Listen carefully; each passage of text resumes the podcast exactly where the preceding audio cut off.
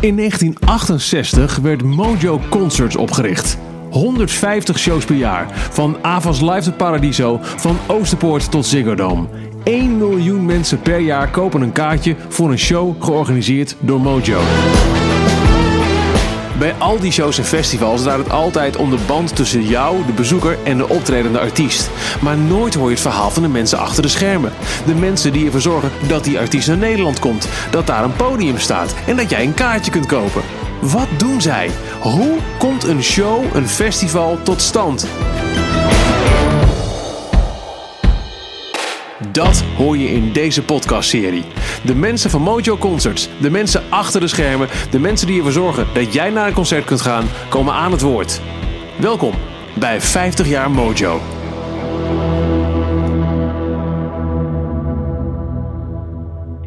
Welkom bij een nieuwe aflevering van de 50 jaar Mojo podcast. Mijn naam is Michiel Veenstra en in deze reeks praat ik elke keer met mensen achter de schermen bij of kopstukken van Mojo Concerts, het bedrijf dat nu al 50 jaar lang concerten en festivals organiseert.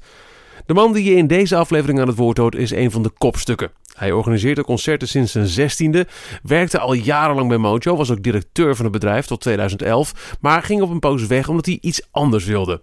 Toch heeft hij zich laten verleiden en is weer terug. Sinds 2017 voert hij samen met Ruben Brouwer de directie van Mojo Concerts. Waar komt hij vandaan? Waarom ging hij weg? Hoe is hij teruggekomen? Hoe is Mojo Concerts nu? En waar is toch de Mojo Barrier vandaan gekomen? Het hek dat hij heeft uitgevonden en de hele wereld over ging en nog steeds gaat.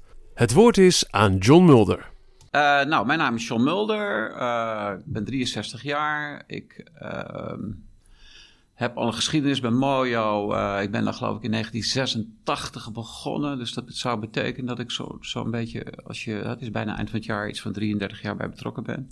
Tussendoor vijf jaar weg geweest, omdat ik op een gegeven moment vond dat het jongerencultuur was, gezien mijn leeftijd. en dat gezien het feit dat het bedrijf heel erg natuurlijk hè, omdat het Amerikaans gestuurd verkocht is, voelde ik me niet meer zo thuis in die cultuur. Toen ben ik me heel erg gaan bemoeien met het opzetten van de stal met Nederlandse artiesten. Dat vond ik leuk en ik was het reizen ook een beetje moe, want door mijn positie bij het bedrijf moest ik ook vrij veel reizen. Um, maar toch bijna twee jaar geleden weer uh, bij het bedrijf betrokken geraakt. En uh, nu samen met Ruben Brouwer om dat bedrijf sturing te geven. Althans, de mensen doen dat, zo denken wij erover. En wij sturen op de achtergrond mee. En dan uh, in die periode dat ik weg ben geweest, die vijf jaar, nog wel heel erg betrokken geweest bij het bedrijf met uh, North Jazz, uh, Lowlands, waar ik dan wel een functie had. En ja, omdat het natuurlijk toch een beetje een, een, vak is wat in je DNA zit. En ook in het DNA van anderen. En dat is vermengd en met elkaar verweven. Dus nog wel heel veel met rijlen en zeilen bij betrokken geweest. Nou wil ik heel veel verhalen horen, maar dan ben ik als eerste toch getriggerd door... Um, wat is het, vijf jaar geleden uh, weggegaan? Of ja. vijf jaar lang? Ja, vijf nou, jaar lang. Dat is zeg maar zeven jaar geleden. Ja, dus het, het, het beviel niet meer. De, de, de, het, het, het, nou, ik, de, te oud en allemaal dingen hoor ik. En dan toch weer terug. Ja. Je, bent jonger geworden in de tussentijd en het bedrijf is leuker geworden. Ja, ik ben nu uh, op een leeftijd, ik, dat, dat, ik kan het iedereen aanraden trouwens. Dat als je, als je 60 bent, moet je gewoon terug gaan tellen. dat werkt heel goed. Het, het zware, het zwarte in de mens, het zware, dat blijft al lang weg. Nee, ik denk dat het ook misschien een. een uh, het is wel mooi dat je dat vraagt. Want ik heb het mezelf eerlijk gezegd ook al een paar keer afgevraagd. Wat in ieder geval een feit is dat ik een heel impulsief mens ben. En ik, ik, kan ook alleen maar functioneren als ik met leuke mensen leuke dingen doe. Um, en op een gegeven moment reed ik terug naar huis vanaf Delft. Uh, na een dag uh, lang vergaderen met allemaal dingen die me, waar ik helemaal niks mee had. Waar ik heel ongelukkig van werd. En toen dacht ik, ik vind dat eigenlijk helemaal niet leuk. En toen heb ik de plekken besloten, daar hou ik er maar mee op. En dan ga ik weer wat anders doen. Um, nou, zo is dat eigenlijk gekomen. Um, en ik dacht natuurlijk ook wel, ja, moet ik nou wel ik was toen, denk ik, 56, 57. Moet ik nou wel zo'n bedrijf nog leiden? Uh, wordt het niet meer, meer een corporate world waar ik me niet in thuis voel? Gaat het niet meer over uh, regelgeving en rapportage dan over het, het, doen van een leuk feestje ergens? En ik had er eigenlijk geen zin meer in toen. En toen ben ik er ja, mee gestopt. Ik deed toen inmiddels, uh, ik deed toen al een aantal jaren ook onder andere management Marco Borsato. Ehm, ik had ook hele goede banden met andere artiesten, onder andere Doe Maar, waar ik dingen voor deed. En ehm, die zaten ook allemaal aan me te trekken. En toen dacht ik, ja, en dat reizen iedere keer, het was ook nog wel een ding. Uh, dacht ik, nou, het is wel tijd uh, om een switch te maken. Maar ik heb dat eigenlijk mijn hele leven al gehad, terwijl het misschien feitelijk nooit zo vaak is voorgekomen. Ik had wel mijn hele leven een soort van afspraak met mezelf. Als je voelt dat er iets moet veranderen, dan doe je dat. Uh, dat is geen doel op zichzelf. Maar het is wel mijn manier om te overleven in alles. En, uh, dus nou, toen weggegaan. Uh, uh, nou, het is geen geheim dat Mojo in die tijd dat ik weg was, zeker twee jaar voordat ik terug ben, twee directiewisselingen heeft gehad. Waar ik op de achtergrond heel erg nauw bij betrokken ben geweest. In die zin dat de eerste directiewisseling ehm, eigenlijk de dag erop ben ik al gebeld en gevraagd vanuit Engeland om uh, ad interim te worden voor een paar maanden. Heb ik ook gedaan. In die tussentijd is er een andere directeur opgeleid geraakt. Dus toen was ook weer de afspraak dat ik weer uh, langzaam zou terugtrekken uit het bedrijf. Ook gedaan, ook weer stappen teruggezet. Uh, met die persoon is dat uh, na, geloof een maand of acht, negen of zo, is dat ook um, ten einde gekomen. Toen werd ik weer gevraagd als ad interim directeur. Nou, weer ja heb gezegd, omdat dat bedrijf heb ik heel erg helpen opbouwen. Dus het is ook een beetje je, ja, trots van wat je gedaan hebt in je leven. Mensen zeggen vaak, het voelt als een kindje. Dat vind ik altijd zo'n rare opmerking. Dus ik probeer een andere term te gebruiken. Dat komt er wel op neer. Ja, maar daar komt het wel op neer. Dat klopt. Ja, nou, het voelde dus als een kind. Hup, en toen, uh, ja, daar is die. En toen... Uh, dus toen heb ik dat weer een paar maanden gedaan. En toen was er een... Uh, niet dat hij er niet eerder was, maar... Uh, Ruben Brouwer, die bij het bedrijf werkte als bedrijfsjurist. Waar ik toen ook heel erg mee optrok in die ad-interim periodes. Wat ik overigens samen met Leon heb gedaan, Leon Raamakers, die had de interimperiodes, allebei. Uh, dus we waren beide verantwoordelijk voor het bedrijf. Ook juridisch, hè? ook bij de Kamer van Koophandel ingeschreven en alles. En weer uitgeschreven en weer ingeschreven en weer uitgeschreven. En toen dacht ik eigenlijk, uh, toen zat ik natuurlijk ook in, in, de, in, de, in de board in die zin dat hè, er werd gepraat hoe nu verder. Na de, de directiewisseling, de laatste hoe moet dit nu verder en hoe moeten we iemand vinden? Hoe moet dit, hoe gaat dit, wie moet het worden? En al gaande uh, was er eigenlijk een soort van spontaan gesprek met Ruben en mijzelf. Waarbij ik eigenlijk aan Ruben zei, maar waarom ga jij dat niet doen? Nou, Ruben zei, ja, maar waarom moet ik dat nu doen? Of waarom...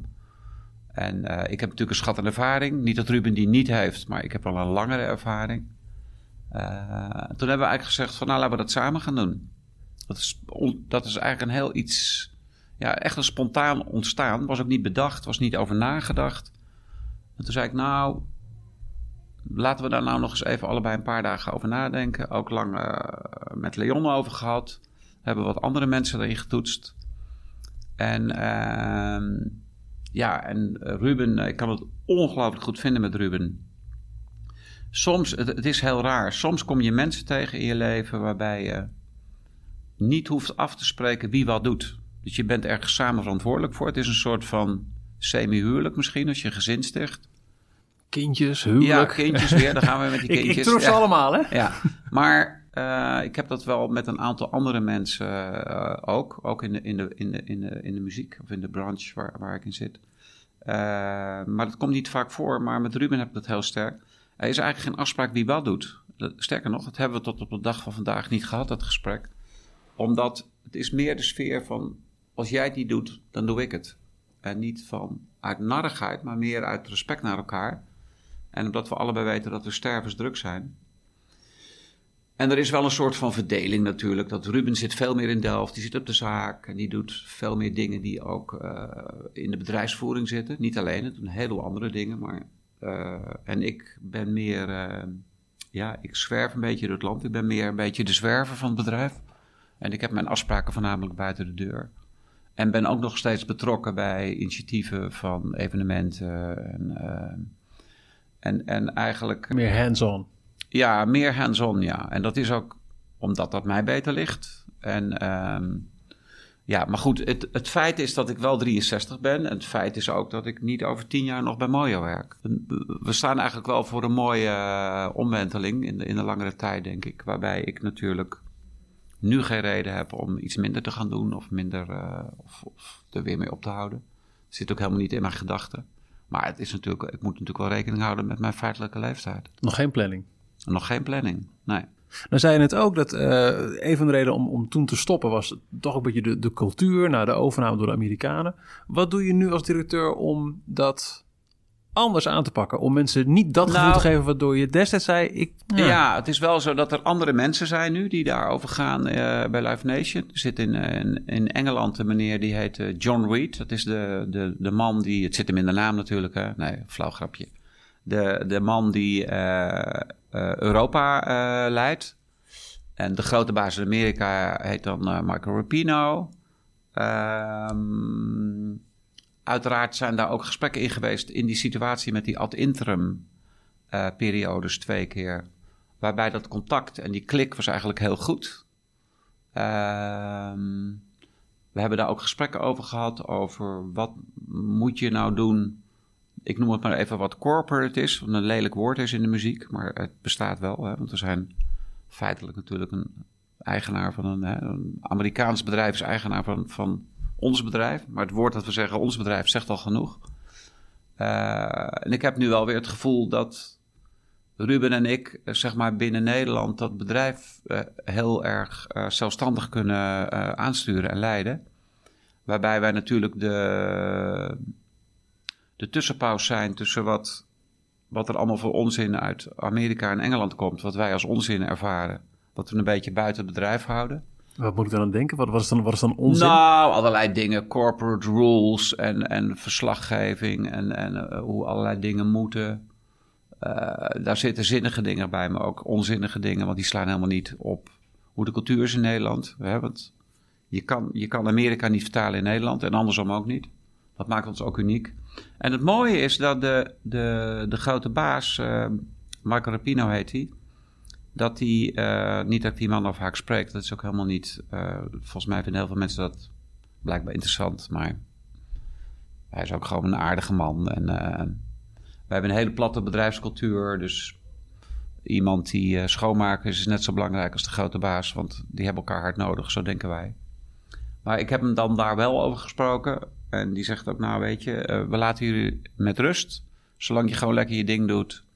We hebben natuurlijk elk jaar wel eh, afspraken over eh, ja, budgettering. Hè. We zijn nu in de budgetteringszonde voor 2019, is bijna af. Nou, en er wordt afgesproken wat wij denken wat we ongeveer gaan doen.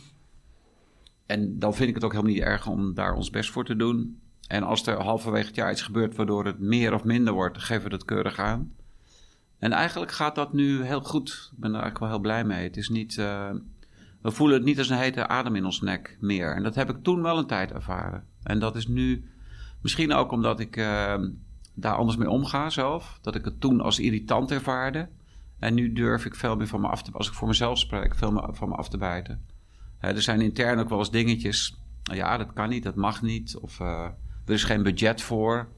Of we willen iets, eh, weet ik veel, we willen eh, op de zaak iets met inrichting doen en er is geen budget voor. Dan zeg ik, nou ja, gewoon doen. En als ze zeuren, laat ze mij maar bellen. Eh, dat klinkt heel stoer, zo bedoel ik dat niet. Maar het, ehm, ik denk dat wij goed performen voor de Amerikanen, dat we het goed doen. Waardoor het niet allemaal zo gereguleerd Ja, hoeft. waarbij, waarbij hun denken ook, ja, maar het is- Nederlanders zijn toch denk ik in de hele wereld wel een be- beetje, misschien een beetje eigenwijze typetjes. En eh, ze hebben in Amerika denk ik ook de, de mindset van laat ze nou maar een beetje alleen. Want dan doen ze het veel beter als dat we ons er veel meer mee bemoeien.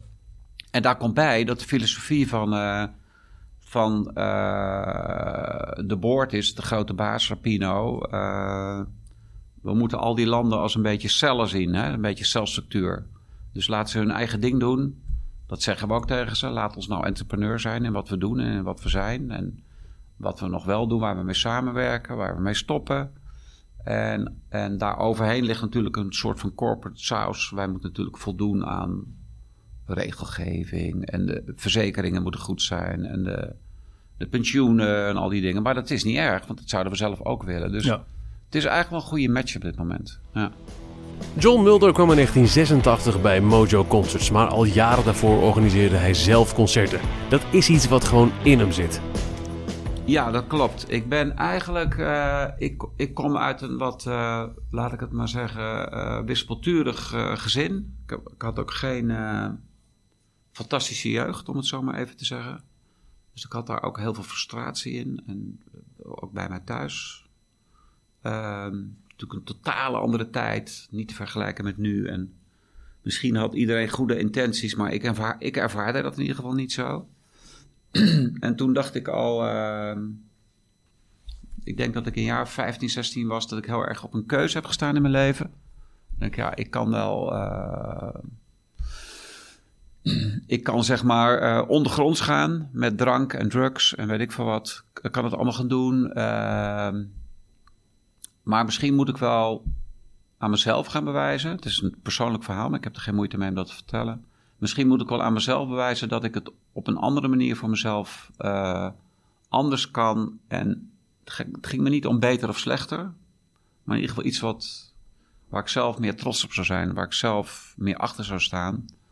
Eh, en toen dacht ik, nou, ik ga op mijn manier kijken of ik dingen kan doen in mijn leven die, waar ik nooit iets, maar dan ook nooit, nooit, nooit een ander mee benadeel.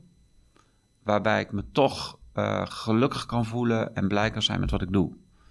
Ik snap dat het heel generaliserend klinkt. het en kan dat ook alle kanten zo is. ook een bloemenstalletje beginnen. Maar het is wel, eh, het was voor mij wel heel bewust. Ehm, dus eh, ik ben ook heel jong gaan werken. Ik heb ook helemaal niks in opleidingen. Ik heb alleen een rijbewijs. Voor de rest heb ik helemaal niks. Ik heb ook nooit school afgemaakt. Ik, ik heb nooit. Ik was altijd al aan het spijbelen en weg. En, dus dacht ik, nou, ik ga maar gewoon eens beginnen. Muziek vond ik natuurlijk altijd leuk, interessant. En toen ik 16, ze- 16 was, heb ik met een paar met vrienden hebben we eh jongerencentrum eh, opgericht in Oudijk. Later één in Bunnik en later ook één in Werkhoven. Toen dachten we al, nou ja, als we er één hebben, kunnen we net zo goed drie doen.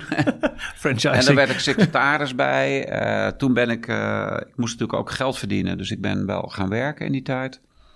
En toen ben ik gaan werken bij de politie. Niet als politieagent, maar administratieve functie had ik bij de, bij de dat heette de Porsche-dienst in Driebergen. Vond ik allemaal heel, helemaal interessant. Dus toen heb ik dat eh, een tijd gedaan. En in die tijd, ik kon het heel goed vinden daar met die mensen, deed ik als al het secretaresse en secretariswerk voor die drie eh, jongerencentra. Dus als ik afspraken had, kwamen die gewoon op kantoor. Daar, dat was natuurlijk wel stoer. En daar zijn we al begonnen met ehm, eh, het opzetten van eh, popfestivals. Voor een goed doel. Dus we deden elk jaar een goed doel. En dan huurden we een grote circus tent en podia erin. Dat was nog in de tijd van Elkwin, Kajak, Living Blues. In, een beetje in die hoek. Eh, dus zo, ja, dat is natuurlijk fantastisch. Natuurlijk een jongensdroom. Dan ben je 17 en dan En dan zet je al een tent neer en dan zet je een tent neer en dan komt er van alles en, en die dynamiek. En in dat jongerencentrum hadden we, was ook een podium, hadden we elke zaterdagavond een live band. En zo kwam ik eigenlijk steeds meer dat ik denk, maar wat is dat, wat die dynamiek van dat live zijn, wat is dat, wat is dat fantastisch. En toen was er ook een, eh, ja, een band waar ik het goed mee kon vinden. Dus die zeiden, goh, wij gaan volgend weekend eh, daar naartoe, ga je anders mee? Nou, dan ging daar mee. En zo kwam ik eigenlijk steeds meer reizende door Nederland eh, in allerlei andere jongerencentra. En eigenlijk is dat uit zichzelf gegaan toen. En toen eh, kwam er een keer een eh, groep die heette Living Blues. Ken je die nog? Living Blues? Nou, dat, dat was eh, vroeger met de familie Oberg. De gitarist heette Ted Oberg en zijn moeder was de manager. De band heette Living Blues.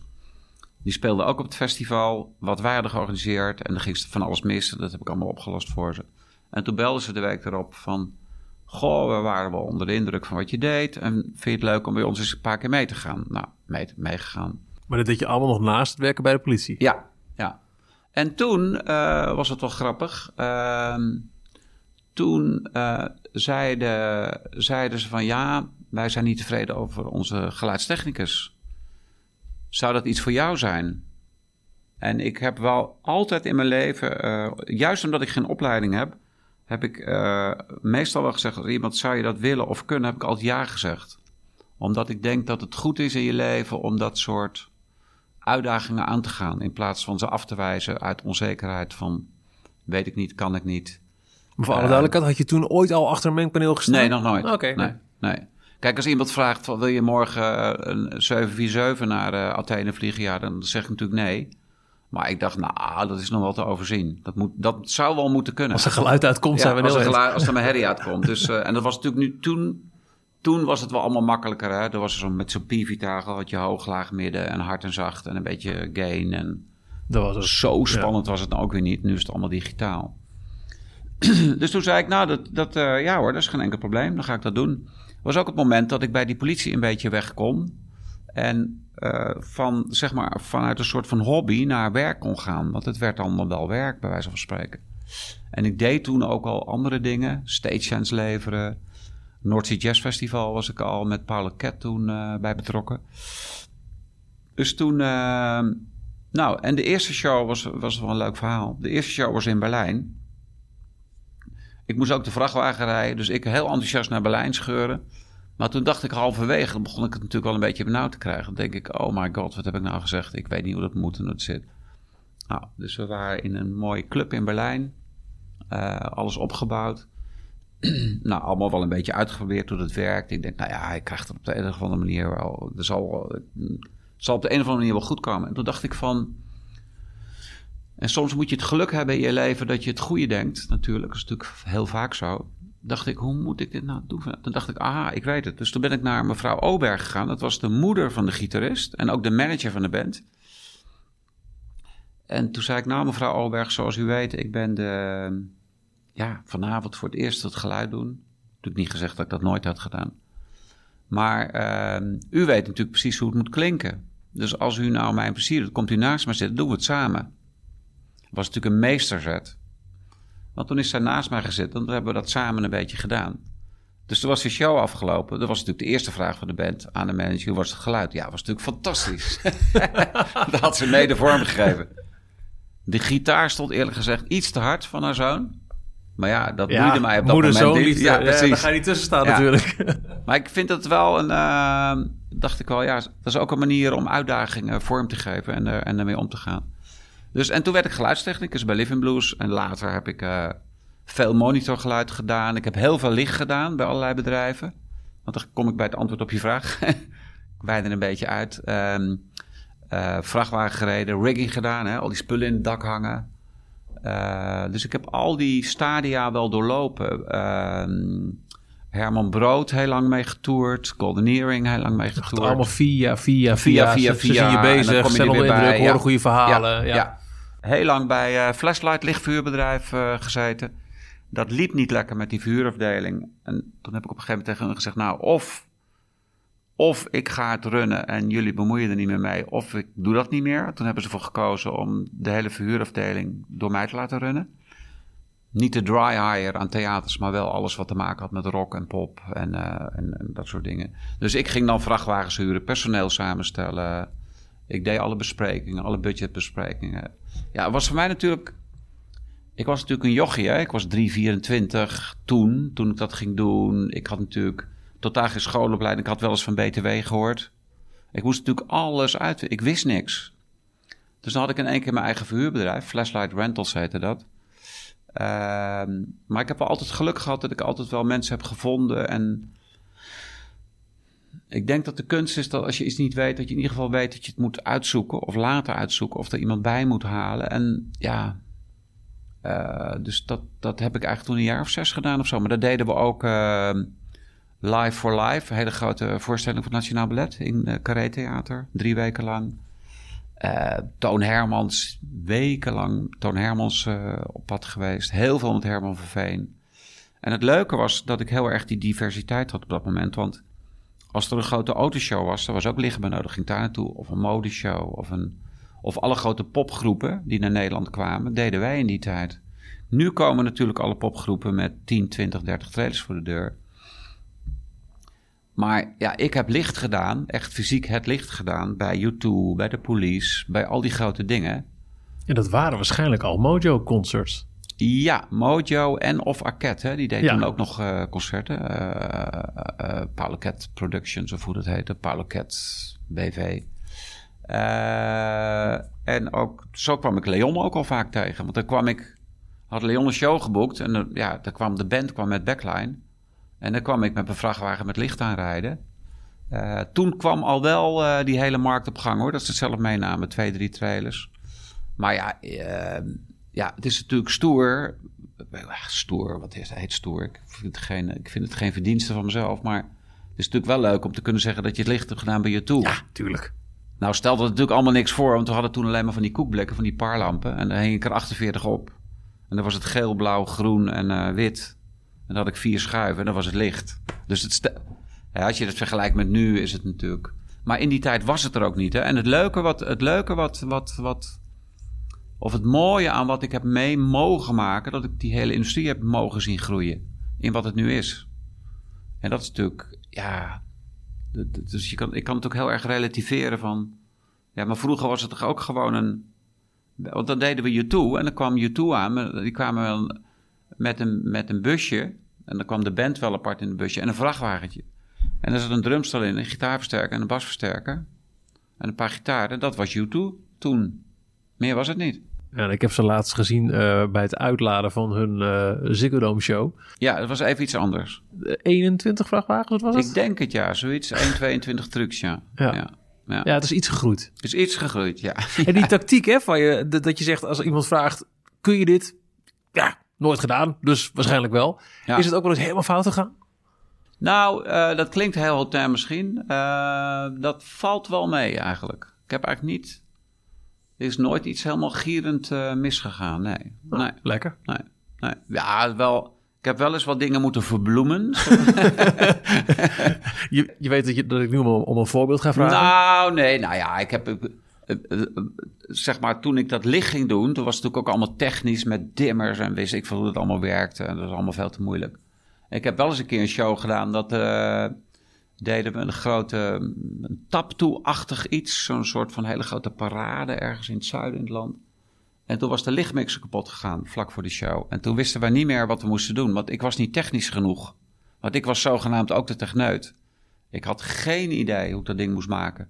Tegenwoordig eh, zijn het allemaal met printplaten en ik wist geen eens dat er een printplaat in zat. En toen hebben we, maar die, die, die racks die dan backstage staan, daar zitten een soort van knopjes op, met aan, uit. En toen heb ik eh, de vrachtwagenchauffeur die ik bij me had, die heb ik achter die lichtmixer gezet. En ik heb gezegd, jij moet gewoon met, er zitten allemaal knoppen en jij moet met die knoppen heen en weer gaan op de maat van de muziek. En je moet alleen maar naar het podium kijken, voor de rest moet je niets doen. En toen zijn wij achter het podium, heb ik eh, kartonnen borden gemaakt, hebben van die gaffertape, weet je wel, die rollen tape, eromheen gedraaid. En dan zijn wij gewoon die, koppen, kloppen gaan, die knoppen gaan met het stuk karton gaan slaan. En dan ging er daar wat aan en daar en daar. Maar niks deed het eigenlijk. We gingen gewoon dat, totale onlogische.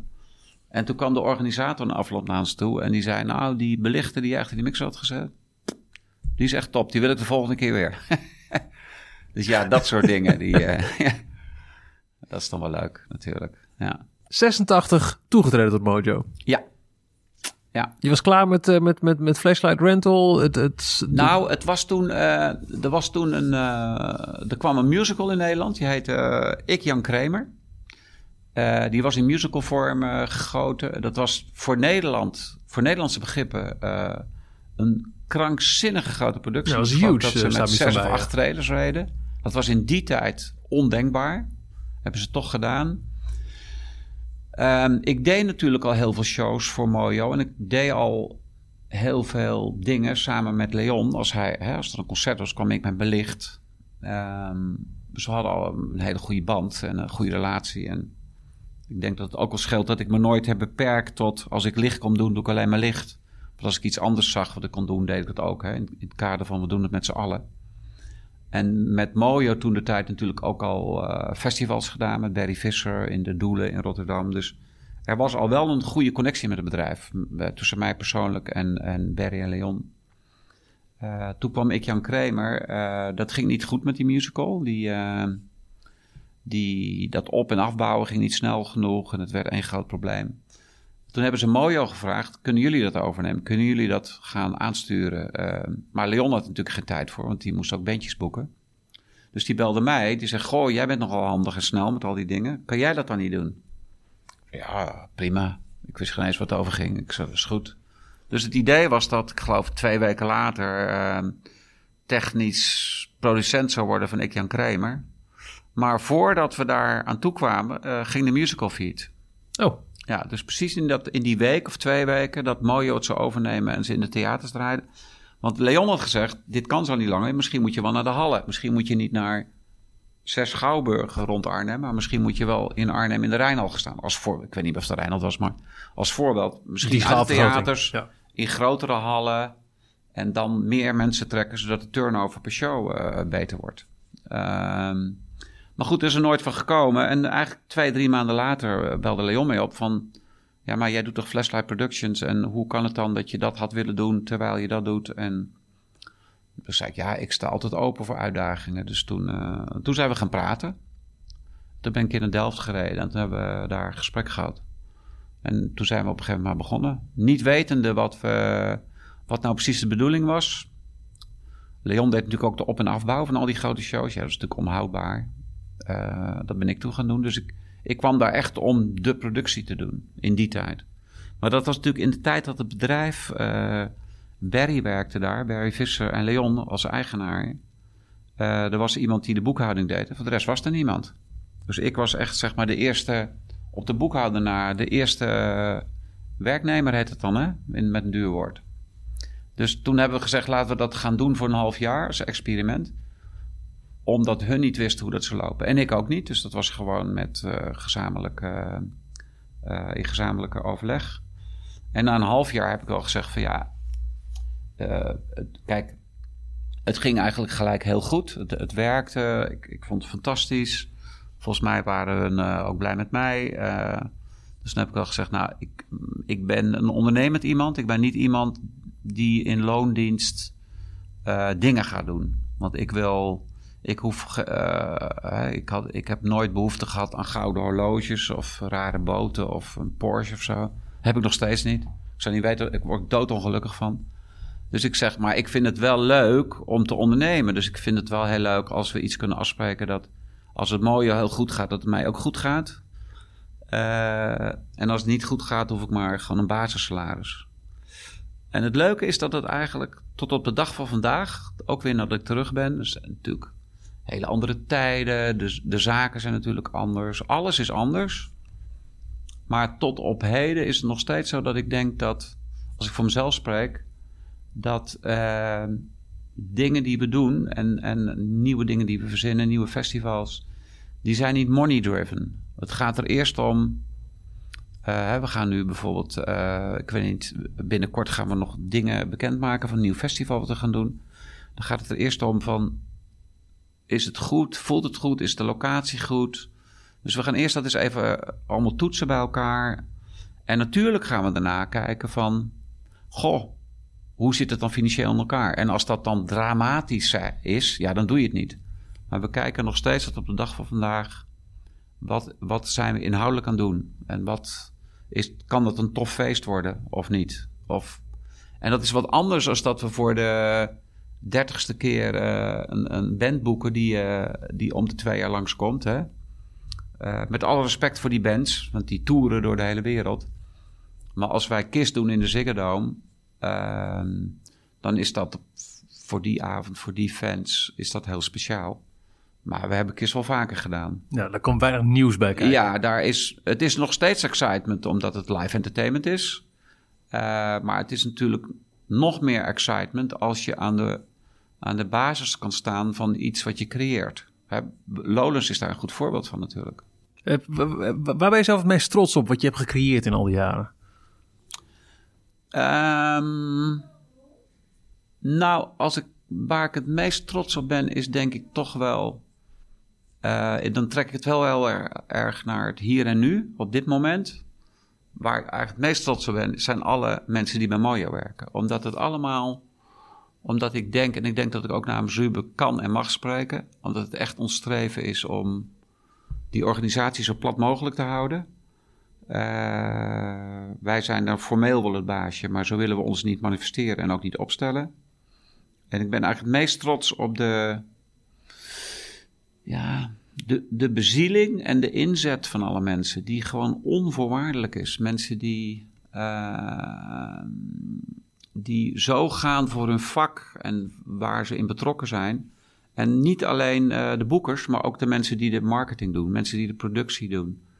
Uh, mensen die moeten afrekenen op alle beentjes s'avonds. Iedereen is op zijn manier wel begaan met het bedrijf. En het feit dat je een groep mensen bij elkaar krijgt, maar ook behoudt. Want dat is natuurlijk nog moeilijker, hè, want hè, bijvoorbeeld uh, wereldkampioen uh, schaatsen worden is leuk, maar wil het jaar erop ook zijn. En dat is, dat is het lastigste. En het feit dat we daar met z'n allen nog steeds toe in staat zijn, dat, daar ben ik echt het meest trots op. En we hebben afgelopen jaar, uh, omdat Mojo 50 jaar bestaat, hebben we alle personeel meegenomen naar New York. Een soort van personeelsuitje, of hoe je het ook noemt. Dus iedereen ingevlogen naar New York, 115 mensen. En we hebben daar drie, vier dagen. Wij zijn natuurlijk trots op New York op zijn kop gezet. Dat is natuurlijk helemaal niet waar. Maar voor het, gevo voor het gevoel, het klinkt leuk, het verhaal is goed. uh, in ieder geval voor onszelf hebben we dat wel gedaan. Ja, en daar komt een energie los en een, een verbindenis. En mensen van de boekhouding die met boekers uh, s'nachts de stad ingaan. En allerlei kruisverbanden in het bedrijf. Terwijl ik kom wel eens bij bedrijven, dan denk je zou, oh, je zou er maar moeten werken. Dan is het echt werk. En um, eigenlijk ben ik, ik snap dat het geen feitelijkheid is, maar... Nee, ik vind het een heel mooi wenselijk antwoord. Maar ik ga nog wel een keer opnieuw vragen zo. Ja, maar dat is wel waar ik het meest trots op ben, ja. Maar ik zou nu ook nog wel iets willen horen in het trant van nou, dat ene festival, die, dit ene nieuwe concept. En we kunnen het ook gewoon gelijk gaan hebben over de barrier. Ja, nou ja, kijk, als je dan kijkt in de business, dan is natuurlijk uh, Lowlands, uh, als je kijkt waar je trots op bent, of waar je, dan is Lowlands natuurlijk wel een parel in, in de geschiedenis van Mojo. En ik denk dat ik wel mag stellen dat ik daar uh, vanaf de beginjaren heel veel aan heb bijgedragen. En nu is Erik van Eerdenburg daar als directeur. Ronnie Hoog-Anting heeft het ook heel lang gedaan en doen dat deels nog samen. Dus er zijn wel mensen die het hebben overgenomen, al heel lang geleden. Maar het is wel mooi om letterlijk iets uit, eh, dat was ook nog letterlijk in die tijd, iets uit de klei te trekken. Omdat het eerste jaar dat wij Lowlands deden, hadden we natuurlijk geen idee wat we aan het doen waren. En dat, en dat komt eigenlijk een beetje terug op wat ik al eerder heb verteld, dat vaak dingen uit een soort van onderbuikgevoel beginnen. Uh, want toen wij Lowlands gingen doen, was de week voor Lowlands was er uh, een, een jamboree op dat terrein met allerlei, weet ik veel, scouts. En was de 25-jarige viering van alle jamborees worldwide, die waren er allemaal. Wij hadden echt geen idee wat we gingen doen. We hadden bandjes geboekt, we hadden wat dingen. We moesten ook nog tenten hebben, dat hadden we allemaal niet. Dat moest ik allemaal nog doen. Maar het probleem is, we waren heel erg afhankelijk van die mensen van de jamboree. En uh, toen hebben we letterlijk gezegd, nou weet je wat, doen jullie dan de Jamboree. En dan gaan we maandag, dat was de maandag voor de vrijdag van Lowlands. Er zat nog vier dagen tussen. Toen zijn we pas echt gaan kijken, hoe moeten we nou de terrein indelen? En dan ging ik met Ronnie Hoog-Antink, uh, gingen we s ochtends vroeg over het terrein. En dan zeiden we tegen die tentenbouwer, daar hadden we de deal mee gemaakt. Nou, laat die maar staan. Dan wordt dat 24 uur KT. En dan doen we daar misschien een pannenkoekenrestaurant. En die, dat wordt een podiumtent. En zo is eigenlijk Lowlands ontstaan, letterlijk. Dat is natuurlijk, on, is natuurlijk ondenkbaar in deze tijd. Als je nu het verhaal hoort, dan denk je dat kan niet waar zijn. Nou, ik heb uh, goed of slecht nieuws. Het is echt waar. Uh, en natuurlijk hadden we wel de grote podiumtent al bedacht hoe dat moest. Ik bedoel, niet zo dat we niets hadden bedacht, maar... En zo begint al zo'n terreinindeling met, met, met die tenten. En we hadden natuurlijk helemaal geen geld het eerste jaar. Dus we moesten ook we hadden natuurlijk wel het idee, we moeten iets doen met, uh, met versiering op het, op, hè, op het terrein, de, de, de aankleding, zoals dat zo mooi heet. Dus dan heb ik een paar meisjes die ik kende uit Utrecht. Heb ik hele mooie, van die eenhorens, van die witte met van die lange punten. Heb ik vier eenhorens laten schilderen op, op hout. En die hebben we dan zo op stellingen geplakt en daar twee lampen voor. Ja, als ik dat nu zou vertellen, denk je, nou, dat, wat een eendimensionaal idee. Maar toen was dat sensatie, want die mensen kwamen dan bij dat Alfa-terrein. En daar stond dus een hele oude vieze tent en daar speelden bandjes in. En dan stonden dan vier van die gigantische eenhoorns op dat teluut. Twee links en twee rechts met die toeters helemaal omhoog. Met wit licht erop. Dat was een soort van sprookje. En dat was zo fantastisch. En omdat we natuurlijk helemaal geen geld hadden, want het eerste jaar hebben we heel veel geld verloren aan Lowland. En dan kende ik weer iemand die zat in, de, in die uh, kerstversiering. Die, uh, die je wel eens, die hele oude met die ornamenten, met al die bolletjes en die lampjes. Dat was ook de entreepoort van Lowlands het eerste jaar. Dus heb ik die man gebeld. Zei, joh, je hebt toch zo'n schuur vol met die kerstversiering? Ja. Nou, ik zei, nou, doe maar net zoveel als in één vrachtwagen past en kom maar naar het terrein. En dan gingen we dat ter plekke zien. Dan zei ik, nou, kan je dat daar een beetje plakken en daar. En dan deden we de stroom erop en dan, oh. en en uh, het is natuurlijk heel leuk. En als je zegt van, hè, waar je dan het meest trots op bent of zo. Dat we eigenlijk, denk ik, zo zijn gaan experimenteren van combinatie van muziek en, en allerlei andere vormen van kunst en ook aankleding. En dat dat dan zo eigenlijk ontstaan is. En nu is dat natuurlijk allemaal helemaal uh, uitgeproduceerd en heb je uh, tekenprogramma's. Ik weet geen eens hoe het werkt, maar toen deden we dat gewoon het onderbuikgevoel. Nou, het zou wel leuk zijn als daar iets staat. Ja, wat dan? Nou, dan doen we dat en dat. Dat hele terrein is, is, is al heel vaak veranderd in de loop der Ja. jaren. Maar Ja. kun je nu nog, nu nog iets aanwijzen als je er rondloopt van dat staat er eigenlijk nog steeds als erfenis van de Jamboree? Of is het echt helemaal... Nou, niet van de Jamboree, maar wel van eh, f- eh, wat. Ik weet wel dat we in het begin heel erg hebben nagedacht van wat moet, wat moet het festival onderscheidend maken. En dat is eigenlijk dat we dachten het moet wel een soort van vijf sterren festival worden in, in, in kwaliteit. Dus we gaan niet. eh, dus als we badhuizen doen, zijn het badhuizen met stromend water. Als we toiletten zetten, zijn het spoeltoiletten.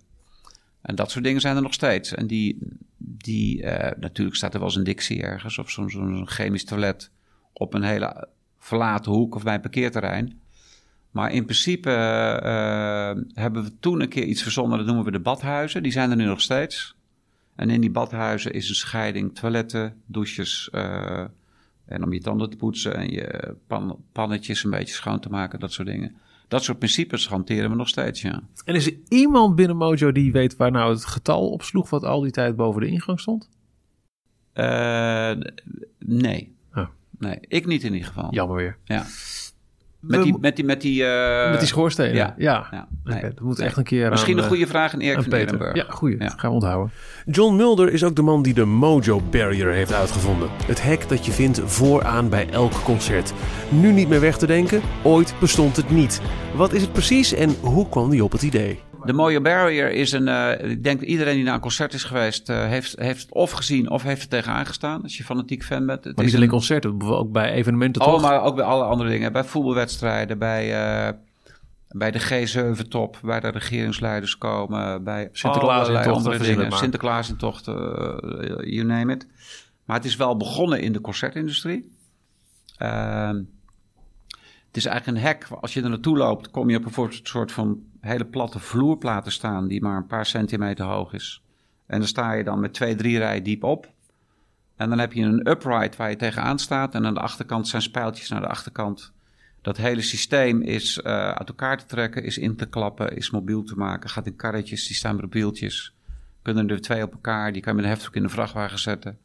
Dat betekent dat je 300, 400 meter barriers eh, in Parijs kan bouwen. En de dag erop in eh, München en de dag erop in eh, Wenen. Omdat het heel erg een, transportabel systeem is. Dat is eigenlijk het principe van een barrier. Het is een, het is een het is een lijn hekken die je kan bouwen. Waar heel veel grote publieksmassa's bij elkaar komen. En die zichzelf niet kunnen wegduwen omdat ze met hun eigen gewicht op die platen staan. Dus je kan niet verder duwen dan je eigen gewicht, want ja, dat werkt niet. Het voordeel daarvan is dat je, als je grote publiekstromen hebt, dat je ook dwars door het publiek heen eh, die lijnen kan bouwen, waardoor je de, de druk eh, die ontstaat eh, als mensen allemaal naar voren willen dringen, kan remmen. Ehm, en het is eigenlijk ontstaan, in die zin is het ontstaan, het idee dat er iets moest komen is ontstaan toen wij in, ik meen 87 of 88 eh, concerten deden met eh, Michael Jackson in de Kuip. Toen was dat, dat systeem was er niet. Uh, toen had je gewoon een dranghek of zo? Nee, het enige wat ze deden, ze hadden een podium. En dan deden ze uit het podium deden ze een soort van uh, stijgerbuizen. En aan de voorkant van de stijgerbuizen zetten ze houten platen. En die deden ze met een klemmetje tegen die stijgerbuizen. Uh, en omdat die stijgerbuizen daar liepen, moesten die security mensen natuurlijk... Dat moest verbonden worden. Dus dan deden ze op, op 1,20 meter 20 of op 80 centimeter... werd er een soort van platform gebouwd... waar die security mensen overheen konden lopen. Zodat ze ook over die buizen konden klimmen en bij het publiek konden komen. dat betekende natuurlijk dat als iemand flauw viel voor het podium, werd hij op een verhoogd platform uit het publiek gehaald, werd naar links of rechts gelopen. Maar iedereen ziet dat, want je stond dan als je op het veld stond, zag je die security mensen een stuk hoger staan en dan de artiest. En ertussenin zag je security mensen met meisjes heen en weer lopen die flauw vielen. Dus ook qua look en feel gewoon heel naar. Heel, El, elk heel... flauwgevallen persoon was door het hele publiek te zien. Ja, ja. ja, in principe wel. Dat is door de barriers die we nu hebben ook niet meer zo. Omdat ze hebben een soort van opstapje en ze halen iemand eruit en stappen weer op hetzelfde niveau als het publiek. En worden dan weggedragen. Maar toen deden we Michael Jackson in de Kuip. En toen hadden we denk ik, voordat de show begon... en dan ga ik niet overdrijven... misschien 2, 250 uh, flauwvallers al in het publiek voor het podium. En die lagen, heel backstage lag vol met mensen op elkaars en dingen. En die zaten uit te puffen. En, en het was dood en dood en dood eng. En, en, uh, en ik, ik heb toen tegen Leon gezegd van...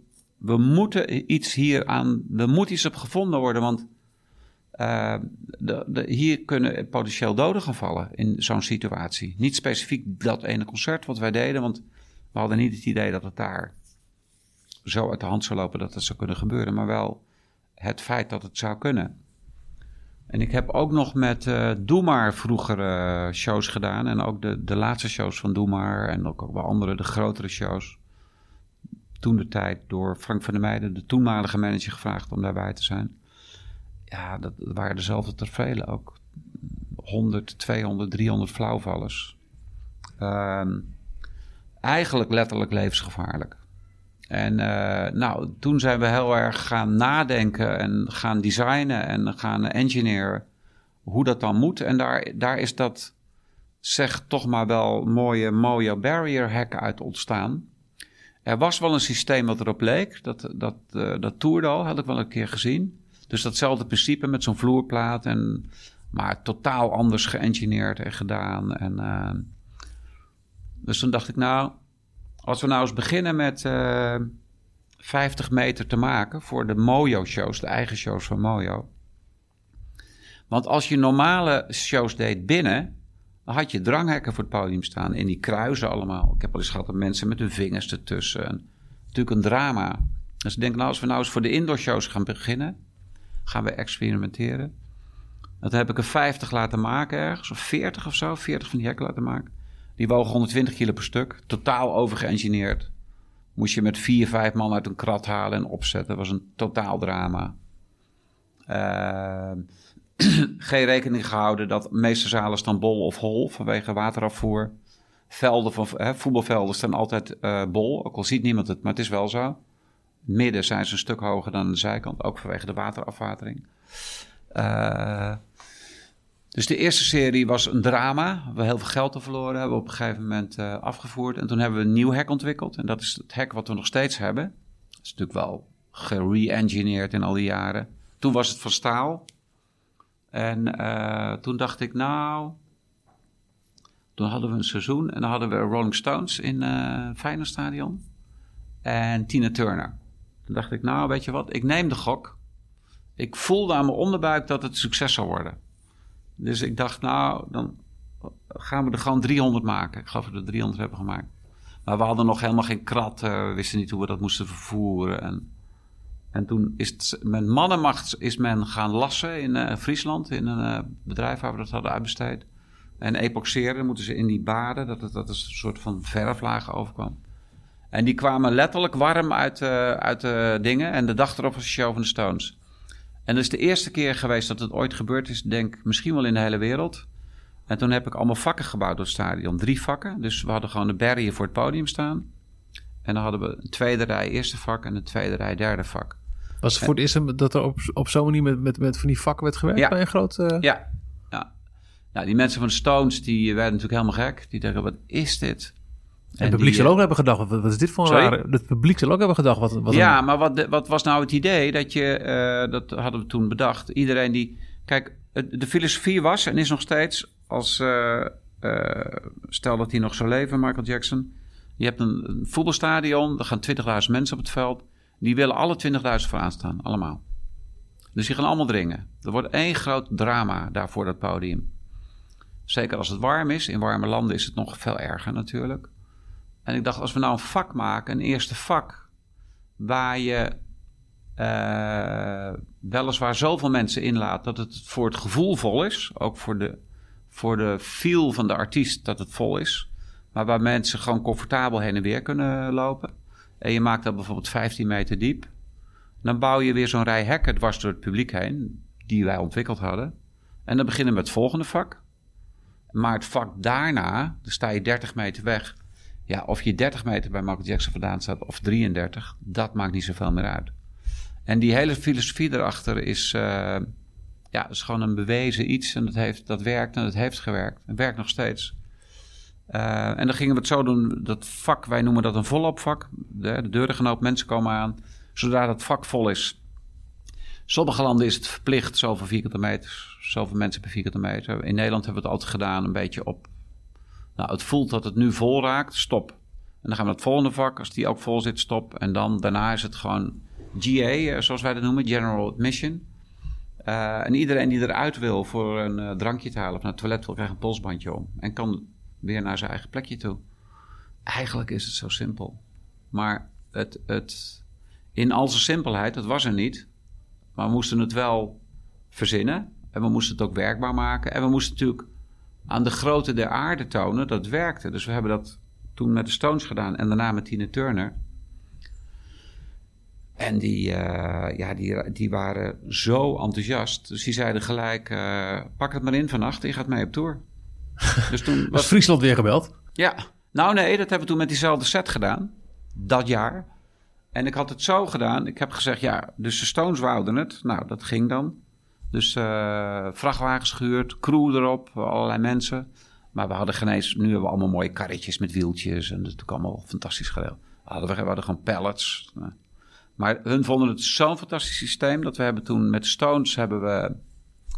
Ik denk wel, nou, door heel Europa misschien al 20, 25 shows gedaan. Maar Tina Turner wou ze ook. En we hadden ongelooflijk geluk dat in de routing, de Stones op de vrije dagen van de Stones, hebben we alle Tina Turner shows gedaan die we konden doen tussendoor. Want ik had maar één set, want meer hadden we niet. Dus Tina Turner wou het ook. Ze zei ja. Nou, dan moesten we zo die tourschema's kijken. Ik zei, nou, die kunnen we wel doen, die, die, maar die weer niet. En die wel, want de Stones gaan voor, die waren eerder. Dus zo hebben we dat eerste jaar een beetje aangemodderd. Maar het is natuurlijk wel iets wat er niet was. Dus het was wel... Ze vonden het allemaal al leuk. En ik denk dat ze het ook wel een beetje stoer vonden dat ze dat konden doen. Eh, en toen dacht ik al, nou, dit, dit is wel een ding. En toen kwam natuurlijk de... Ik geloof dat het... Ik denk dat het hetzelfde jaar moet zijn geweest. In het najaar, toen waren die tours klaar... kwam eh, Prince in, in Feyenoord. Die, eh, die dus een open air had gedaan. Ik denk in Zweden of Denemarken, dat weet ik niet meer precies. Waar dat oude systeem nog was. En waar ze ook maar aan één kant van het podium een E EHBO-post hadden. Dus als er steeds right iemand flauw viel, die moest naar de EHBO. Werd hij onder zijn neus door, van steeds right helemaal naar steeds left gelopen. Over dat verhoogde platform. En daar is hij toen helemaal van uitgefreakt. En helemaal gek van geworden. En toen hebben we, Leon en ik hebben toen gepraat met hem, met Prince zelf. Van, want hij wou niet meer optreden. Hij zei, ik doe het niet meer. En toen zeiden we, ja, maar wat, wat is nou het probleem? Toen zei hij, ja, maar ik wil niet, omdat ik gitaar speel, dat mensen in gevaar zijn. Nou, maar toen, wij hadden natuurlijk al die, dat barrier-idee. Dat hadden we ook al bij zijn shows willen doen, maar dat wist hij natuurlijk niet. Dus toen zeiden we, nou, wij hebben een systeem. En toen is hij, ja, maar wat dan? Toen hebben we nou, het veld in hem laten zien. Kijk, dat gaat zo en dan doen we dat zo, zo, zo. En, dan... en dat vond hij eigenlijk heel erg interessant. En toen zei hij, eh, ja, ja, ja, ja, ja. Maar op dat moment was het een explosie aan aanvragen over die dingen. Dus we hadden er geloof ik 300. Maar ik geloof dat er al 150 uh, minimaal op tour was met een ander. Ik weet niet meer wat of wie.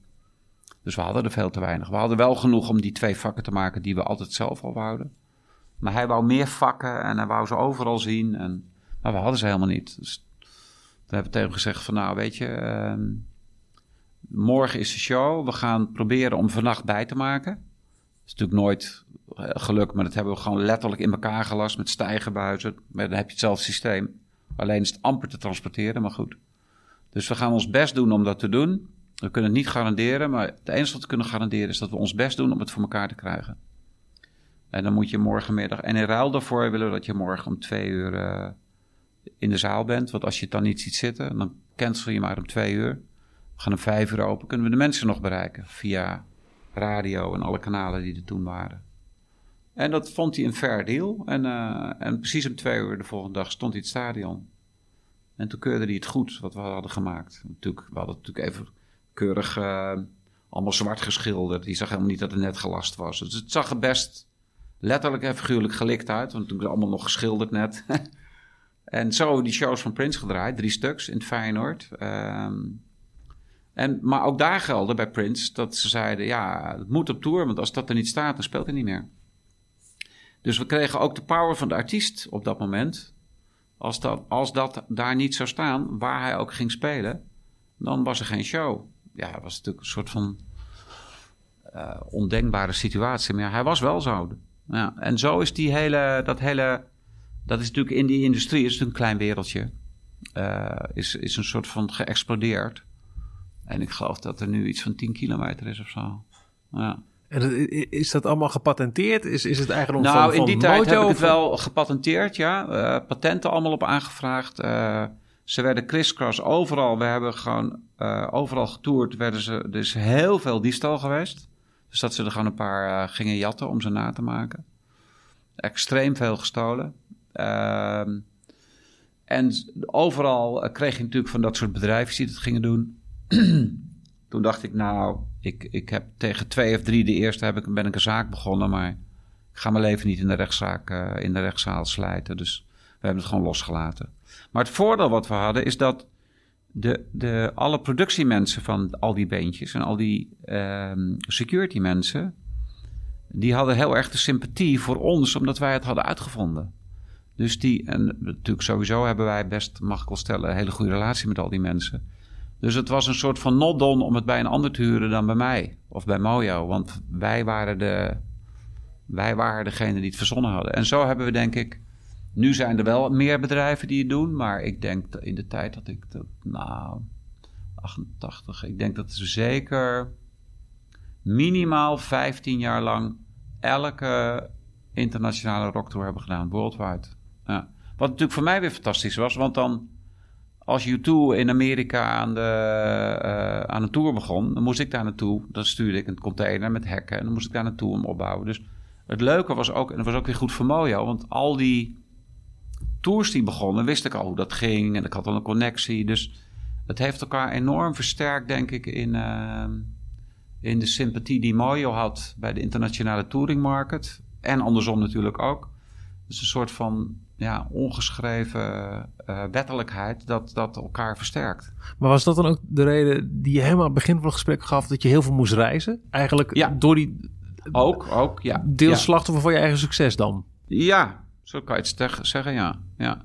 Net als een kok, hè. Een kok die een fantastische, die, fantastisch uh, restaurant begint, wat heel succesvol Die zit dus de rest van zijn leven, als hij tot hij zelf zijn eigen business om zeep helpt, zit hij vast in dat gebouw. Het lijkt me verschrikkelijk. Het lijkt me heel leuk om goed te kunnen koken, maar dan moet je niet succesvol zijn. Heb je, heb je tijd voor hobby's eigenlijk in je te weinig. Ja, te weinig. Maar, maar koken, is, is het... Uh... Nou, ik kook wel thuis, maar niet veel. Huh. Nee. Maar ik heb er geen hekel aan. Ik vind, ik bedoel, ik vind het ook wel leuk eigenlijk zelfs, ja. We zijn al bijna een uur aan het kletsen, John. En ja. uh, er is mij gevraagd deze podcast te maken als, als aanvulling eigenlijk op het ja. boek. Hè, ja. uh, 15 Mojo. Dus ik zou heel makkelijk nu kunnen zeggen... we kunnen het hele Hazes-verhaal ook overslaan. Lees het in het boek. Ja. Of we moeten nog een keer afspreken voor een tweede gesprek. Want, Wat jij wil. Want we zijn, voor, voor mijn gevoel beginnen we net de, de, de, oppervlakte een beetje uh, los te krabben. Ja. ja. Nou ja, ik eh, kan ook nog een andere keer eh, eh, praten. We kunnen nu ook nog een kwartier doorgaan. Ik, ik, ik sluit me hier af. Ja, we gaan gewoon de agenda strekken voor een volgende. ja, als het zo is, dan gaan we er nog, nog één doen. Hartstikke leuk. Maar- super. Wat ik wel nu alvast aan je Ja. vragen, en dat is dan voor de volgende niet meer mogelijk. Ik vraag aan alle gasten in deze podcast: wat is het allerbeste concert dat je ooit hebt gezien?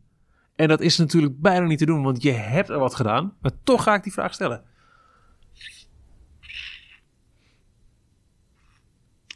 En ik mag natuurlijk niet twee of drie noemen. Dan krijg ik Je, strafpunten. ja, nou, je zou niet de eerste zijn. Dat, eh, Zo eerlijk moet ik ook zijn. Ja. Ik twijfel dan heel erg tussen eh, Motorhead eh, in Roskilde in Denemarken. Als ik zeg over wat zo'n indruk op me gemaakt heeft dat ik echt kippenvel kreeg en ook daar zeg echt emotioneel van werd. Dat, dat, dat, dat ultieme gevoel van wat live muziek kan doen. Ik weet nog dat Motorhead opkwam in Roskilde en dat, en dat was in, in een tent en ik vond het allemaal al helemaal schitterend. Dat was nog voordat we Lowlands begonnen, hè? dus ik ging natuurlijk ook stiekem daar eh brainpicken natuurlijk. Ja, maar dat doe je. Ja. En, eh, en, was die, en die grote tent, die grote groene tent. En dat was een beetje stoffig en het licht ging uit en het was allemaal rommelig en er gebeurde niks. En toen ging er één spotje aan en stond Lemmy daar. En toen zei hij, eh, we are mo ik kan hem niet nadoen, want dan kan ik drie weken niet praten. nou, dat, in dat hele zware, weet je wel, we are Motorhead, we are rock and roll. En ik heb het nu nog, dat kwam zo binnen. Dat was zo fantastisch. Ik zie het je. Ja. ja. Ik was helemaal eh flabbergasted. Totaal flabbergasted. Ja.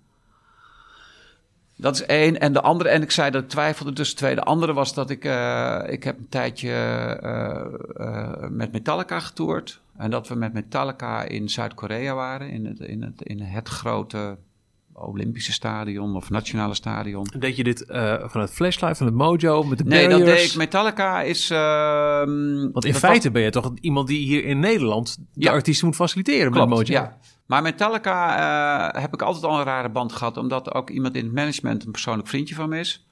Eh, en ik heb altijd al iets met die band gehad. Ook, dat is ook een band waar ik het licht heb gedaan. En, want ze hebben ooit nog met Twisted Sister in discotheken gespeeld in Nederland. Dus vanaf die tijd ken ik Metallica al. Toen was het gewoon een bandje in een busje. Kwamen letterlijk in een busje aanrijden met, eh, met z'n vieren en een tourmanager. Eh, en al die jaren altijd dat bandje wel gevolgd, omdat ik het, omdat ik het persoonlijk die muziek eh, eh, fantastisch vind. Ehm, en toen, ik geloof twee, 10, 12 jaar geleden of zo, waren ze op tour door Europa. Ook met barriers van mij. Maar ik had ook wat crew geleverd, want de, het management had toen gezegd: ja, we doen een tour door Europa, maar om al die mensen in te vliegen, kan jij niet iets wat mensen uit Nederland regelen die we op de tour zetten? Dus ik had er geloof ik zelf iets van zes of acht crewleden op zitten, die ik allerlei mensen die ken. En toen hadden hun een probleem onderweg met hun ehm, eh, productieman, die, eh, die eh, viel uit door persoonlijke redenen, uit het niets. Er was een incident, dus die moest, die is de wacht aangezegd en afgevoerd. En toen belden ze eigenlijk in paniek van, ja, ja, hoe moet het nou? En toen had ik de, het management aan de lijn. En ik zei, ja, ja als je echt een probleem hebt, eh, als het moet, dan eh, kom ik je helpen, hè, dat weet je. En eh, toen belde hij twee uur later op, nou, Het moet. kom maar. toen dacht ik, wat heb ik nou weer gezegd? Dat was tijdens Pinkpop, ik zat op Pinkpop. Zei ik, ik geloof dat ik even naar huis moet om een koffer te pakken. En zo kwam ik dan, en Tony, die, eh, een vriendje van me, die was de, de, de tourmanager, ik werd productieman. En we hebben dan samen een paar jaar die tours gedraaid. En, en, maar goed, het verhaal, wat je zei, hoe kom je aan Ja. Metallica? En dan wat, Het wat concert. Dan, het concert was eh, dat we in Zuid-Korea waren. En ehm, het album, eh, het album werd toen gespeeld omdat de bassist van Metallica is toen eh, overleden in een busongeluk. En eh, Masters of Puppets was dat album. En dat album werd integraal gespeeld omdat het toen precies 20 jaar geleden was. En ik weet het nog precies omdat ik eh, die nacht uit mijn bed ben gebeld toen het ongeluk was gebeurd. Ik weet nog precies waar ik was, waar ik woonde. Kan het moment, dat is hetzelfde als mensen hebben van 9-11 bijvoorbeeld. Cliff Burton, de bassist, en die, ja, die is toen overleden door dat busongeluk. En ehm, En dat album was precies 20 jaar oud. En we gingen een tour doen waarbij dat album werd gespeeld. Precies zoals het album was. Ook in de volgorde, allemaal precies. En toen waren we in Zuid-Korea in een stadion. En er waren allemaal kids. Nou, niet allemaal, waren natuurlijk ook wel ouderen. Maar ik denk dat 70% van de kids die bij het, bij het concert waren, waren gewoon 16, 17, 18. En uh, dus die waren nog niet geboren toen het album uit was. En die wisten elke noot uit hun hoofd. En dat was. Ik heb nog nooit een, een, een, een crowd of een publiek gezien wat zo begeisterd was met wat daar gebeurde. Als dat toen was. Dat was gewoon. Dat, is echt, dat heeft zo'n ongelooflijke indruk op me gemaakt.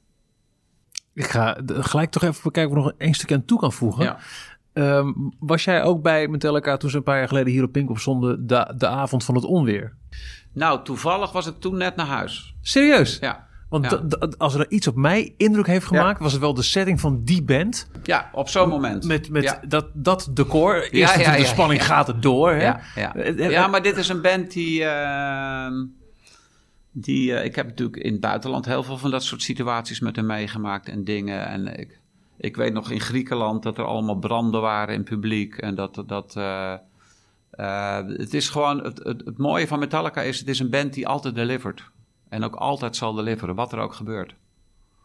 Dat, dat, uh, die geven nooit op. En jij? Ja, hetzelfde attitude natuurlijk. kan, kan moeilijk wat anders zeggen ja, ook. Ja, ja. ja.